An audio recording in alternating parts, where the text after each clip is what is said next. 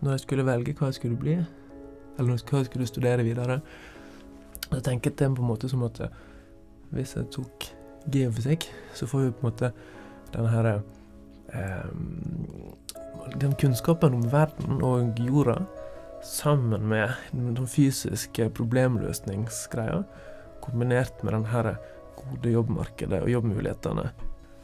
Men eh, etter at jeg liksom begynte, Når jeg begynte på geologi, så, eller på geofysikk, så sa de liksom sånn at Og så skal vi i felt. Og jeg bare Skal vi i felt òg? skal vi til Spania og Utah og ja. rundt omkring i Norge i felt? For det var noe jeg ikke hadde tenkt på eller visst før jeg begynte. Og hadde jeg visst det, så hadde valget vært enda enklere da jeg gikk på videregående. Hei og velkommen til Geologisk rapport. Mitt navn er Andreas Viken, og jeg er geolog. I denne podkasten skal jeg snakke med andre geovitere om et geofaglig tema, som skal gi deg innsikt i hvorfor geologisk kunnskap er viktig for samfunnet vårt, og la deg bli bedre kjent med disse geoviterne. Så håper jeg at du som er litt nysgjerrig på geologi, kan få lært litt mer enn det du kan fra før. Dagens gjest er Kristian Haug Eide. Velkommen hit, Kristian Haug Eide. Takk for det. Du er førsteamanuensis i geologi, eh, og i dag skal vi snakke om et tema som eh, gir ganske god faglig forståelse, vil jeg si, og bidrar til at mange geologer får gode minner. Temaet er nemlig geologisk feltarbeid, naturens eget laboratorium, kan vi jo kanskje si. Eh, Og mange av gjestene som eh, jeg har hatt så langt, de trekker jo frem feltarbeid og feltkurs i ulike deler av verden når de snakker om eh, de beste minnene fra studietiden. da. Så hva er det som gjør at geologisk feltarbeid gir så gode minner, tror du? Først og fremst så er det det at man kommer seg ut. Jeg har alltid Ja. meg ute og få frisk luft og sånne ting, og se verden. Eh, men så er det òg det at man er sammen med an andre personer, andre engasjerte, interessante, interesserte personer. Og man er sammen med dem hele dagen, og på kvelden òg. Så det blir på en måte veldig sosialt. Men er liksom, hvorfor er geologisk feltarbeid viktig, eh, både i studietiden og generelt i, i Mm. arbeidslivet? Mm. Så jeg kan jo Jeg har jo en sånn eh, skal vi si undergrunnsgeologibakgrunn. Jeg, jeg har jo først og fremst jobba med ting som har med reservoar for olje, gass, vann, CO2-lagring. Kanskje i framtiden vil man lagre hydrogen eller komprimert luft, f.eks. Eh, I tillegg jobber jeg litt med havvind og sånne ting. Og det jeg jobber med først og fremst, det er geologien som er under bakken. For at man har kanskje reservoar under bakken. Man har reservoar som er under bakken, til og med under havet. Um, så kanskje ting er en kilometer, to kilometer, fem kilometer under bakken. Og da kan du ikke gå og undersøke det sjøl. Man har seismiske data, som er båter som kjører over og sender lydbølgen ned, um, som gir deg et bilde av undergrunnen. Men du får ingen detaljer der. Du får kanskje en oppløsning på 10-20 meter. Mens den egentlige geologien er jo på millimeter, centimeter-skala. Eh, så du har seismiske data som gir deg et sånt tåkete, slørete bilde av det du har i undergrunnen. I tillegg har du ofte kjernedata. Eller hvis for havvind har du kanskje sånn eh, kilepenetrasjonstesting. Og de dataene er på en måte et lite nålestikk. Du har kanskje et kjempestort område som er på størrelse med London, som er ditt oljefelt f.eks. Og så har du en kjerne som er 10 cm diameter. Og det er alle dataene du har. Og Hvis du da skal planlegge hvordan du skal utnytte et reservoar, hvordan du skal forankre en vindmølle eller en vindturbinfarm, så kan du på en måte ikke Det er ikke noe i dataene i seg sjøl som sier hvordan ting er, som forteller deg at du har data, du har en kjerne der, men du veit ikke nødvendigvis hvordan ting er 10 meter, 100 meter, 1000 meter vekk fra datapunktene dine. Og for å finne ut det, så er du nødt ut i felt og se ekte bergarter. Fordi at jeg var i Utah, der så jeg det at hvis vi hadde f.eks. avsetninger fra en, en bølgedominert strand, så går sandkroppene på den måten her. De går så langt. Um, og når vi ser tilsvarende avsetninger i undergrunnen, så kan vi forvente at de er på samme måte.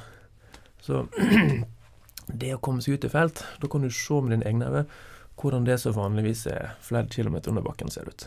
Men når du da er ute i feltet, hvordan starter du? Eh, jeg regner med du har kaffe på termosen og matpakken er klar, men sånn utstyr og eh, hvor det liksom, Hvordan vet du hvor du skal begynne? Ja, det er et veldig godt spørsmål. Sant? Noen ganger så jobber man på plasser der nesten ingen har jobba før. Um, og da blir det ofte at du må liksom gjøre den grunnleggende kartlegginga. Uh, og da må du komme deg rundt på et vis. Så på en måte bil eller helikopter eller båt hvis man er på Svalbard, er veldig viktig.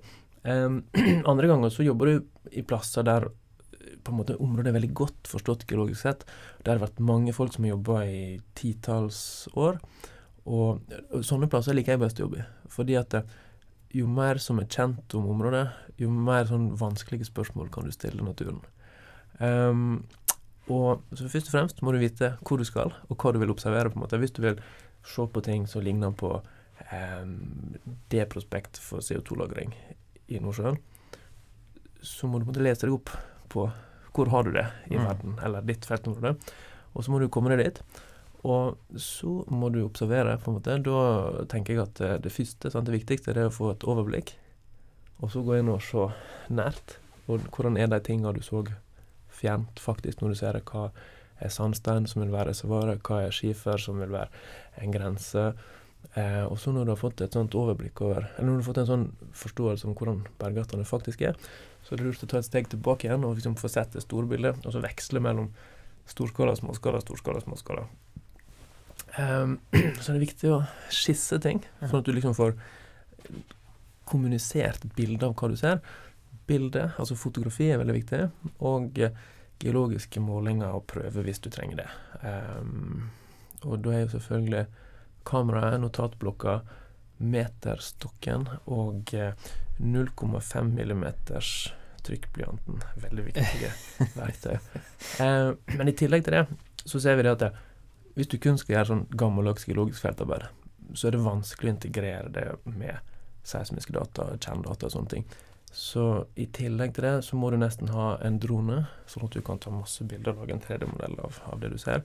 Um, tidligere, før dronene ble billige nok, så brukte vi helikopter med laserskanner i stedet for. Det, det var ganske, kostet uh, ganske mye. Det var kjempedyrt. Ja. Og da sant, kanskje vi brukte én million kroner ja. på en feltsesong på å samle sånne data. Men vi fikk òg utrolig masse igjen for det. Men nå kan vi samle nesten like gode data med en drone til 15 000. Ja. Så um, dronen er noe som har revolusjonert mitt Er det liksom det nyeste av mest avanserte utstyret du kan bruke i, i felt i dag, kontra tidligere? Ja, ja, i hvert fall kan vi si at det, det er på en måte Det er egentlig ikke så veldig avansert. Det er veldig lett Nei. å bruke. Ja, ja, det, det, er jo gøy òg. Og, og, det har liksom demokrati... Eller det, noe sånt Før så var det kanskje kun vi, eh, altså vår forskningsgruppe, som samla sånn storskala eh, 3D-data med helikopter. Mens nå samler alle tilsvarende data med drone. Og det er helt fantastisk å se hvordan feltet har eh, utvikla seg mm. med, med det. da. Ja, for når du ser bilder fra uh, gamle dager, så, så, er det folk i Ser ut som de går i dress, nesten. Sant? Med hammer og meisel. Og det var det eneste utstyret. Og nå er det liksom det meste med Ja, du kan lage 3D-modeller, du kan lage gode kart. Absolutt. Det, så det går jo fremover. Absolutt. Og det er liksom akkurat den Det er fremdeles viktig, og kanskje ikke gå med dress, men i hvert fall gå så nært opp til bergartene. Ja. Men ofte sånn så ser man at man liksom har gått en eller annen renne i ei fjellside, og man har tatt masse gode observasjoner. Men det, når du liksom kom tilbake til kontoret og skulle prøve å lage en historie ut av det her og finne ut hva som egentlig skjedde, så ser du at det, det er veldig vanskelig å få overblikket. Og det er veldig vanskelig å skjønne Vi gikk den renna opp der, og så gikk vi ei renne til to kilometer lenger nede. Ja. Det er veldig vanskelig å få overblikk. Og liksom hvordan henger det vi ser i den renna, sammen med den andre renna?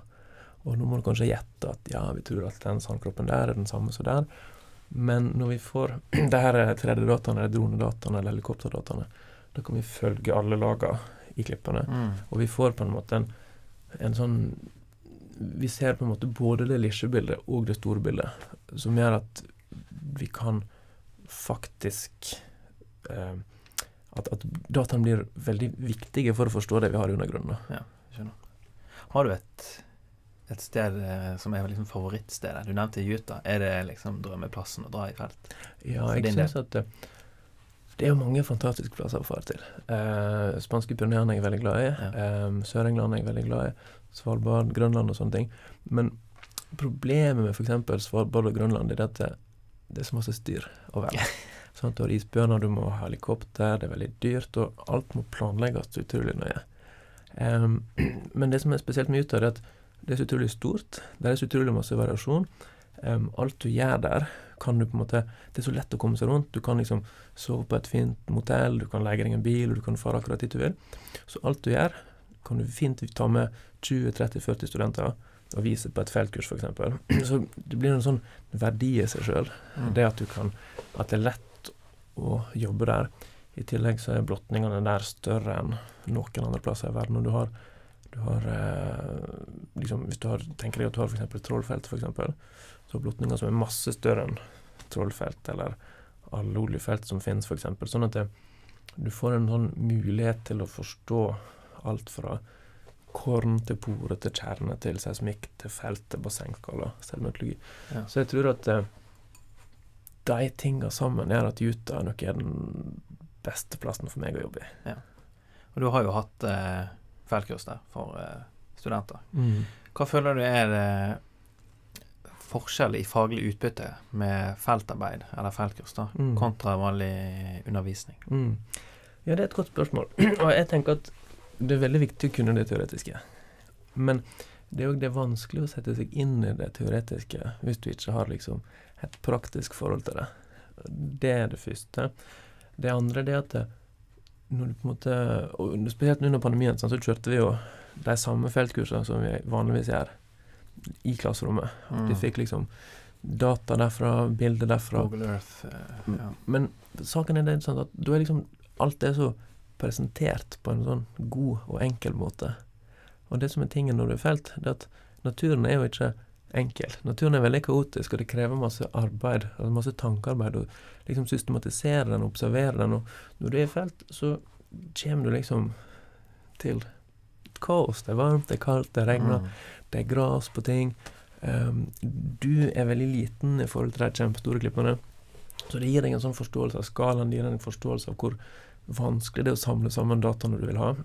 så, så du lærer på en måte å angripe problemet på en helt annen måte. Ja.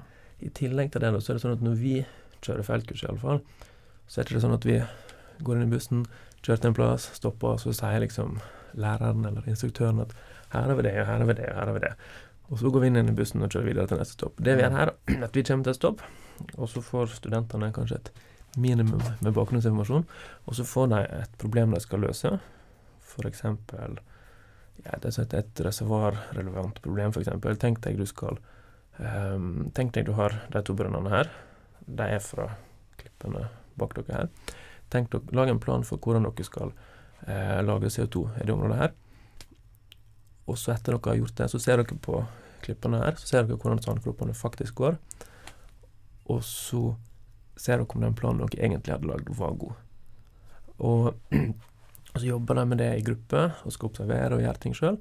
Så blir gruppene plukka ut til å forklare, eller til å presentere hva de har gjort. Og så går vi gjennom oppgaven i plenum etterpå.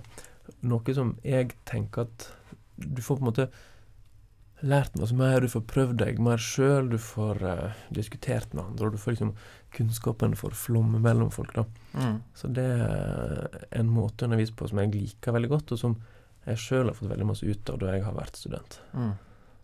Men em, forskningstokt og feltarbeid er, er vel ikke akkurat det samme. Er forskningstokt noe som på en måte varer litt For du har jo vært med på det òg, bl.a. til eh, Øst-Grønland i, i 2012. Eh, Mm. Hvordan er et forskningstokt forskjellig fra et feltkurs eller feltarbeid?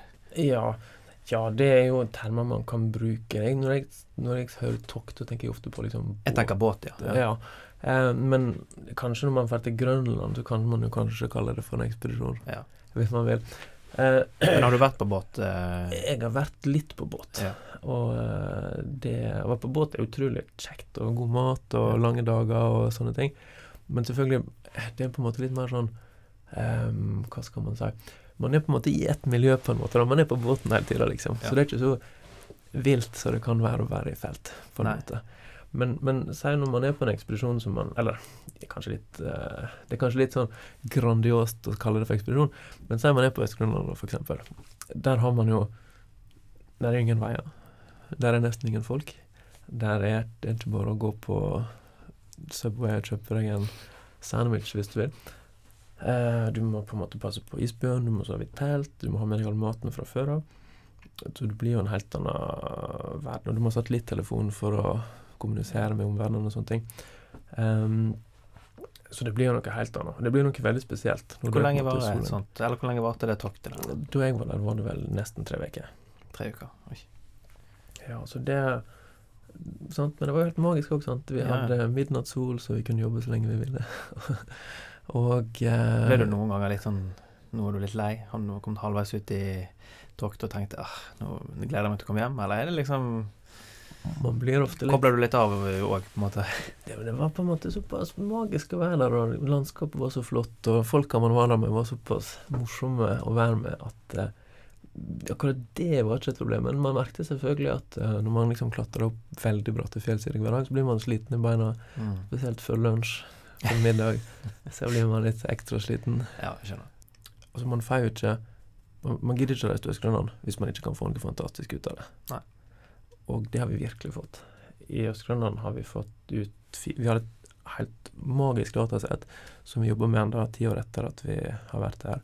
Um, vi har fått ut fire artikler, noe som jeg vil si er veldig bra for en liten feltekspedisjon. Vi har et forskningsrådssøknad som er inne, som er basert på det her nå, så kanskje vi skal tilbake til neste år hvis vi er heldige. Um, og vi på en måte ser et utrolig masse prosjekt som vil komme ut av det. da. Så man ser jo at eh, Åpner masse dører, da. Ja, åpner masse dører, ja. Eller ekspedisjoner. Ja, Absolutt.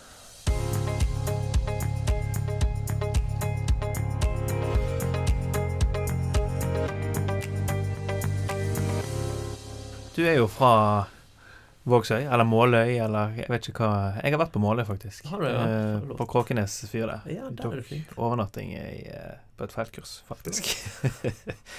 Så veldig fin, veldig fin øy. Men Ja. hvor er Vågsøy i forhold til Måløy? Så er Vågsøy Måløy er byen på øya Vågsøy. Oh, ja, okay. Og jeg er fra fastlandssida, eh, i ei bygd som heter Åsmundsvåg. Der er det omtrent 35 mennesker som bor.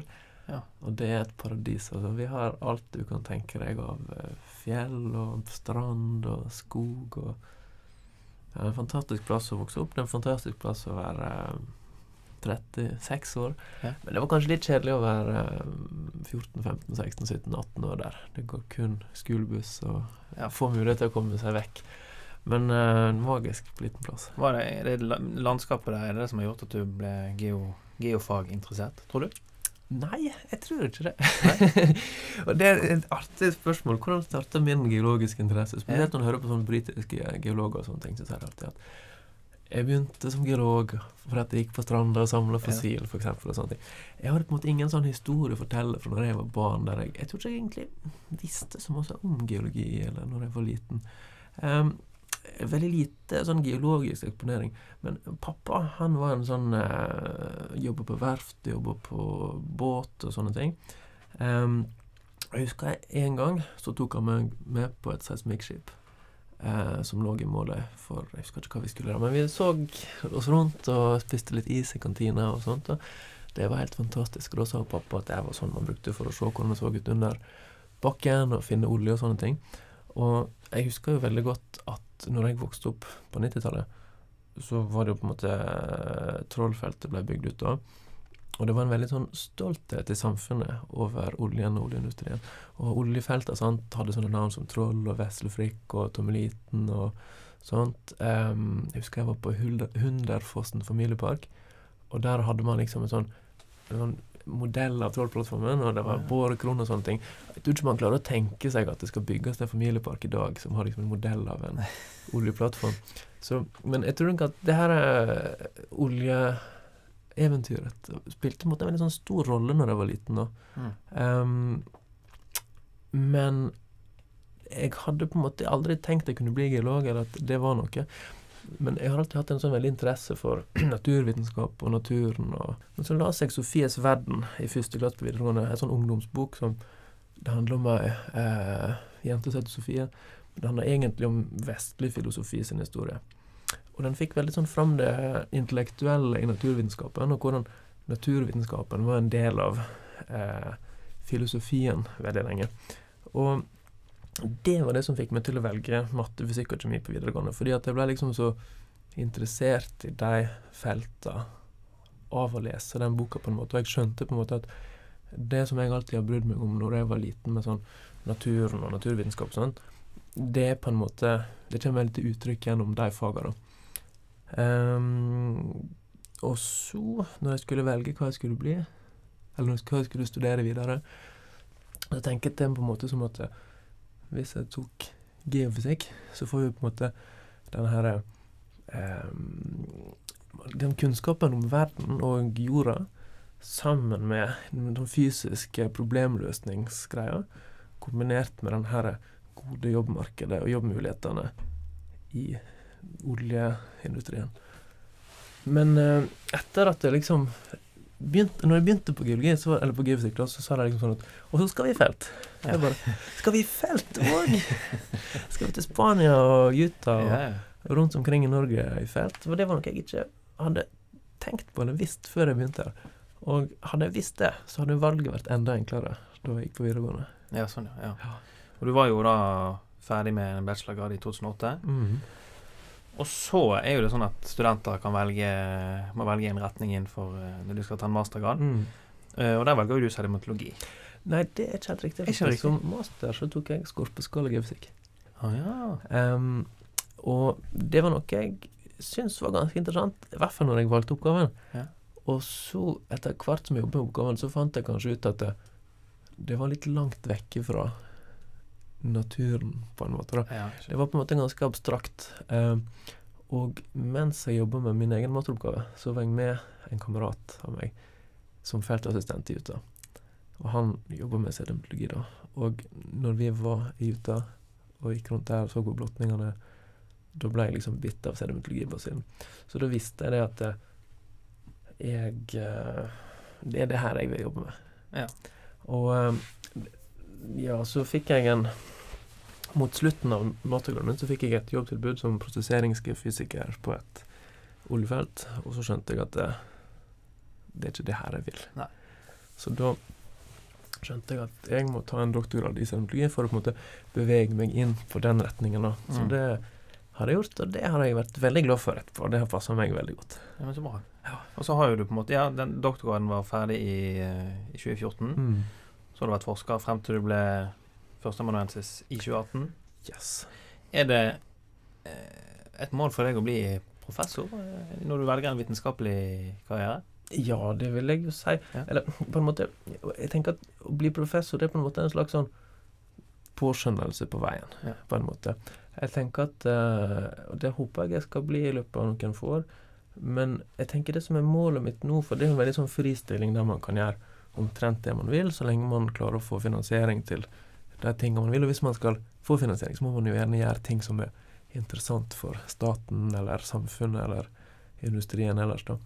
Og jeg må på en måte si at jeg gjør jo mange spennende ting nå, og em, jeg har finansiering fra mange forskjellige områder. Jeg jobber med vulkaner og skred og reservoar og CO2-lagring og havvind og sånne ting. Men det er kanskje målet mitt, og det er kanskje at jeg skal finne noe sånn En plass der jeg føler jeg virkelig har bidratt til Mm. å forbedre noe, kanskje fokusere arbeidet mitt litt mer. da. Men fram til det har jeg tenkt å jobbe ganske sånn eh, spredt på ting jeg syns er interessant. da.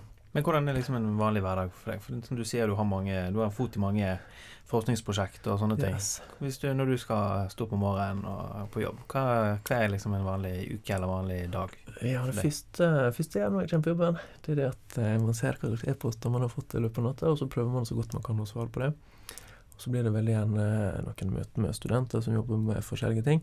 Og det blir jo ofte sånn at eh, når man har en jobb som meg, men spesielt med ganske mange forskjellige prosjekter og sånne ting, så blir det sånn at det er masse av arbeidet mot de forskjellige pro prosjektene, det blir på en måte veiledning av studenter som jobber med de og de og de dataene og de og de problemstillingene. Um, så det blir en del veiledningsmøter med studenter og så på data sammen med dem, eller diskutere hvordan kan de presenterer dataene sine. Hvordan bør de tolke dataene sine, hva betyr de? Hvordan man kan legge fram det her på en måte som gjør at folk forstår det, og forstår hva de har funnet ut. Og, eh, når det gjelder ting som er liksom egne artikler, f.eks., da må jeg ofte sette av kanskje tre dager i kalenderen min der jeg skal kun jobbe med det.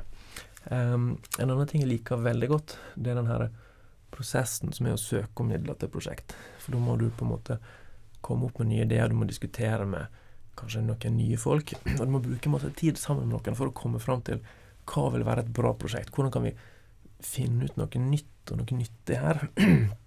Hvordan kan vi få industrien til å støtte oss på det her? Og så må man ha mange møter og legge planer for sånne ting. da. Så det er òg en sånn veldig sånn spennende del av jobben som jeg liker veldig godt. Blir det lange dager da, når du skal skrive sånne søknader?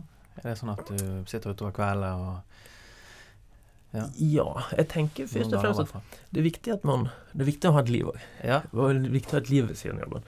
Og det syns jeg jeg er god på. Jeg er flink til å på en måte gi meg når arbeidsdagen er over. hva gjør du når du skal du, Klarer du å koble helt av eh, sånn av og til, i hvert fall? Ja, det, det er jeg absolutt. Men selvfølgelig noen ganger så blir det sånn at i noen perioder så jobber man jo litt ekstra. Jobber på kvelden og sånne ting. Ja. Men eh, ja, hvis jeg skal koble av, da For jeg jo, har jo to fantastiske jente. Ei på åtte måneder og ei- på tre år. Mm. Veldig kjekt å være sammen med dem. Gå en tur med dem på Fløyen eller på stranda eller i fjellet eller noe sånt. Og sjøl er jeg veldig glad i å gå på fjelltur, gå på skitur. Reise liker jeg veldig godt. Ja. Så det er ting som jeg trives godt med å gjøre. Eller ta med damer på restaurant, f.eks. Ja. Det var veldig kjekt. Og så spiller du gitar. Eller har spilt gitar. Jeg må jo bare si Jeg fant et bilde av deg på Google. Ja. Da fra fylkesfinal i Ungdommens kulturmønstring i 2005. Med den flotte bildeteksten. Karoline Austring hadde øvd på Sissel Andresen sin versjon av Birds, medan Kristin Haugeide holdt seg til Neil Youngs. Vågsøy-duoen fikk det til å låte bra i lag. Mm. Eh, sånn gitar det sånn feltarbeid? Har du tatt med deg gitaren og spilt litt Neil Youngs? Det har jeg aldri aldri tatt med meg gitaren i felt. Jeg har så masse uh, pikkpakk fra før av. Men, men uh, først og fremst, da. Den her uh, Ungdommens kulturmønstring. Det var utrolig kjekt å spille med. Hun er en fantastisk sanger. Hun har en utrolig fin stemme. Og det var veldig kjekt for oss. Vi satt liksom sammen og tok den her eh, Vi, vi begynte med den Bugge Wesseltofts versjon av Neil Young sin 'Birds'. Um, og så er det Sissel Andresen som synger der. Mm. Og så tok vi liksom den versjonen, og i stedet for piano som Bugge Wesseltoft spiller, så tok vi den på gitar, og jeg følte vi fikk veldig til vår egen versjon på den, som vi på en måte jobba sammen sjøl, eller som vi to jobba sammen. Eh, og så vant vi kommunemønstringa, så vant vi fylkesmøtringer. Da fikk jeg være i Trondheim og, og spille for liksom mange. Og det var litt kjekt å være i det miljøet med sånne Ja. flinke, musikalske ungdommer. da. Um, Kunne det blitt en musikalsk karriere? Hvis du hadde virkelig satset, føler du? Nei, jeg tror ikke jeg er flink nok, rett og slett. Jeg har ikke jeg, men, Og jeg er nok litt for bredt anlagt, på en måte. Jeg er ikke Og sånn er det på en måte mitt sånn vitenskapelige virke sånt, at jeg er ikke en person som liker å fokusere på én ting og bli utrolig god på én ting. Nei. Jeg er en person som liker å gjøre mange forskjellige ting. Og jeg tror at skal du bli en god musiker, så må man på en måte ha en evne og vilje til å øve mer enn det jeg har. Ja. Så nå jeg spiller jeg klimprer litt på gitaren av og til, jeg klimprer litt på piano av og til. Jeg har vært med i husbandet på, på instituttet her. Men ehm, Ja, som når du var student? Eller? ja, nei, nå som ansatt, faktisk. Som ansatt, Vi hadde et lite sånn husband der litt en stund. Ja, Hvem ble av? Eh, Atle Rotevatn var der, og ehm, Eivind Bastesen var med. Jaha. Og så, og så har vi hatt et annet med Case på gitar, og eh, Morten Jacobsen på tromme, Einar Einar på piano. Hva, var det liksom gigger på eh, Det var på julebordet Ja, ja. Så det har vært eh, veldig gøy, da. Ja. Um, ellers når jeg er i felt, og så spiller ikke jeg så masse sjøl. Og så er det kanskje også litt sånn at eh, jeg er veldig glad i å høre på musikk som er liksom litt sånn passer til plassen. Ja. Og Neil Young er kanskje ikke helt tørt nok for. Nei. Og det er ikke helt kaldt nok for Svalbard eller Grønland. Nei. Men um, ja, det, det Det er kjekt med litt sånn stedstypisk musikk. Ja. Men litt tilbake igjen til, eh, eh, til studietiden, da. Mm. Eh, vi snakket litt om, om det i sted. Men eh, dine egne minner fra studietiden, hva vil du si er de beste? Jeg vil tippe du sier feltkurs i Utah, men Jeg tenker kanskje det hadde vært gøy å ikke sagt det. Nei. Nei, men vi sier Kanskje hadde det vært gøy å sagt liksom at Det var liksom det her samholdet blant studentene, da. Og det var liksom det å ha intensivkurs, på en måte. Jeg sitter med sånne kurs, tunge teoretiske kurs fra ni til fire om dagen. Og hadde man lunsj sammen, var skikkelig slitne sammen, og satt liksom og kosa seg i pauser og tenkte på det man hadde lært, og sånne ting. Og selvfølgelig alle festene mm. man hadde som student. Det var ei magisk tid. Men hvis vi hopper litt frem i tid igjen nå, da, så er jo du eh, Du er jo veileder for mange studenter, både masterstudenter og stipendiater og postdoker. Og du, du sa du likte Du likte deg i veilederrollen. og så er det jo litt sikkert kjekt å se at de masterstudentene dine, det er i hvert fall to stykker som har fått en pris. Kan det stemme? Ja, det For pris for masteroppgaven sin, eller hvordan Ja. Ja, så Åsmund og Alma de fikk eh, pris eh, fra, eh, fra eh, Geological Society of London Mm. for sånn beste masteroppgave som har med modellering som har med ressursutnyttelse å gjøre. ja. Så selvfølgelig er det ofte sånn at eh, det finnes jo en del sånne priser som er for veldig snevre segment. Men når det er sagt, sant, det her er jo priser som vanligvis blir vunnet av folk fra Oxford eller MIT eller Cambridge eller Imperial College i London. Og at vi fra Universitetet i Bergen har klart å vunne den to ganger Mm. de siste fire-fem åra. Selvfølgelig er det jo fordi at studentene er kjempeflinke. Men jeg liker i hvert fall å tenke at det er jo litt òg for at vi klarer å skape et miljø ja. der våre studenter kan ha oppgaver og ha prosjekt som er liksom helt i verdensklasse, og som er liksom interessante for mange. Jeg har i og I tillegg har jeg en doktorstudent, Albina, Mm. som fikk eh, pris for beste artikkel som kommer fra et doktorgradsprosjekt fra British Sedimentological Research Group, som òg har vært litt sånn Utrolig kjekt for en veileder å se at studentene sine gjør det så bra. ja, du skal jo ha litt credit for det, du òg, vil jeg tippe. Ja, kanskje det. Kanskje det. Um, men mest credit syns jeg studentene skal ha. Ja. Men du har jo sjøl vunnet en tilsvarende pris i 2018, når du dro til London for eh, en artikkel du skrev om magmatisme på, på Øst-Grønland. Ja, det òg er sant. Og det igjen, og det er liksom Det er nok mange som skulle hatt seg en pris. Ja. Men hva gjør det med deg når du får en pris? Jeg føler liksom at ok, nå har jeg eh, et lite høydepunkt i karrieren så langt, og gir meg en motivasjon til videre arbeid. Eh, eh, Ja, det, det, du får i hvert fall en følelse av at eh, man har spilt kortene sine riktig. Og man har på en måte klart å stille seg i en posisjon, og klart å velge ting å jobbe med som interesserer andre. Og så at man liksom klarer å gjøre noe som er på liksom høgde med det beste internasjonalt. da. mm. Og det gir jo en veldig tilfredsstillelse å se at eh, det man gjør, er interessant. Så Det er jo litt sånn kjedelig sånn, hvis man hadde jobba her og slitt og streva, og så var det ingen som brydde seg om det man gjorde. Ja. Så det er kjekt å se at eh, folk syns det man gjør, er interessant, og at det er nyttig, og at folk får bruk for det man gjør. For det viktigste sant, for oss som er her og blir betalt av skattebetalerne sine penger, det er jo det at, eh, at det skal være at, samfunnet, at det skal være en nytte for samfunnet å bruke penger på det her. da. Mm. Og jeg tenker nå i hvert fall det at hvis man får en del priser for det man gjør, så er det et, et tydelig tegn om at eh, man gjør ting som er nyttig og interessant, og at man er liksom på riktig vei. da. Ja, men da, Kristian, sier jeg tusen takk for at du tok eh, turen hit i dag. Og vil du høre flere episoder av Geologisk rapport, finner du disse på de fleste plattformer du hører eh, podkast. Følg oss gjerne på Instagram, og har du spørsmål, ris eller ros, eller kanskje forslag til noen jeg bør eh, snakke med, så kan du sende meg en melding på Instagram, eller på andreas.viken, alfakrøll.uib.no. Denne podkasten er laget i samarbeid med Institutt for geovitenskap ved Universitetet i Bergen. Takk for at du hørte på.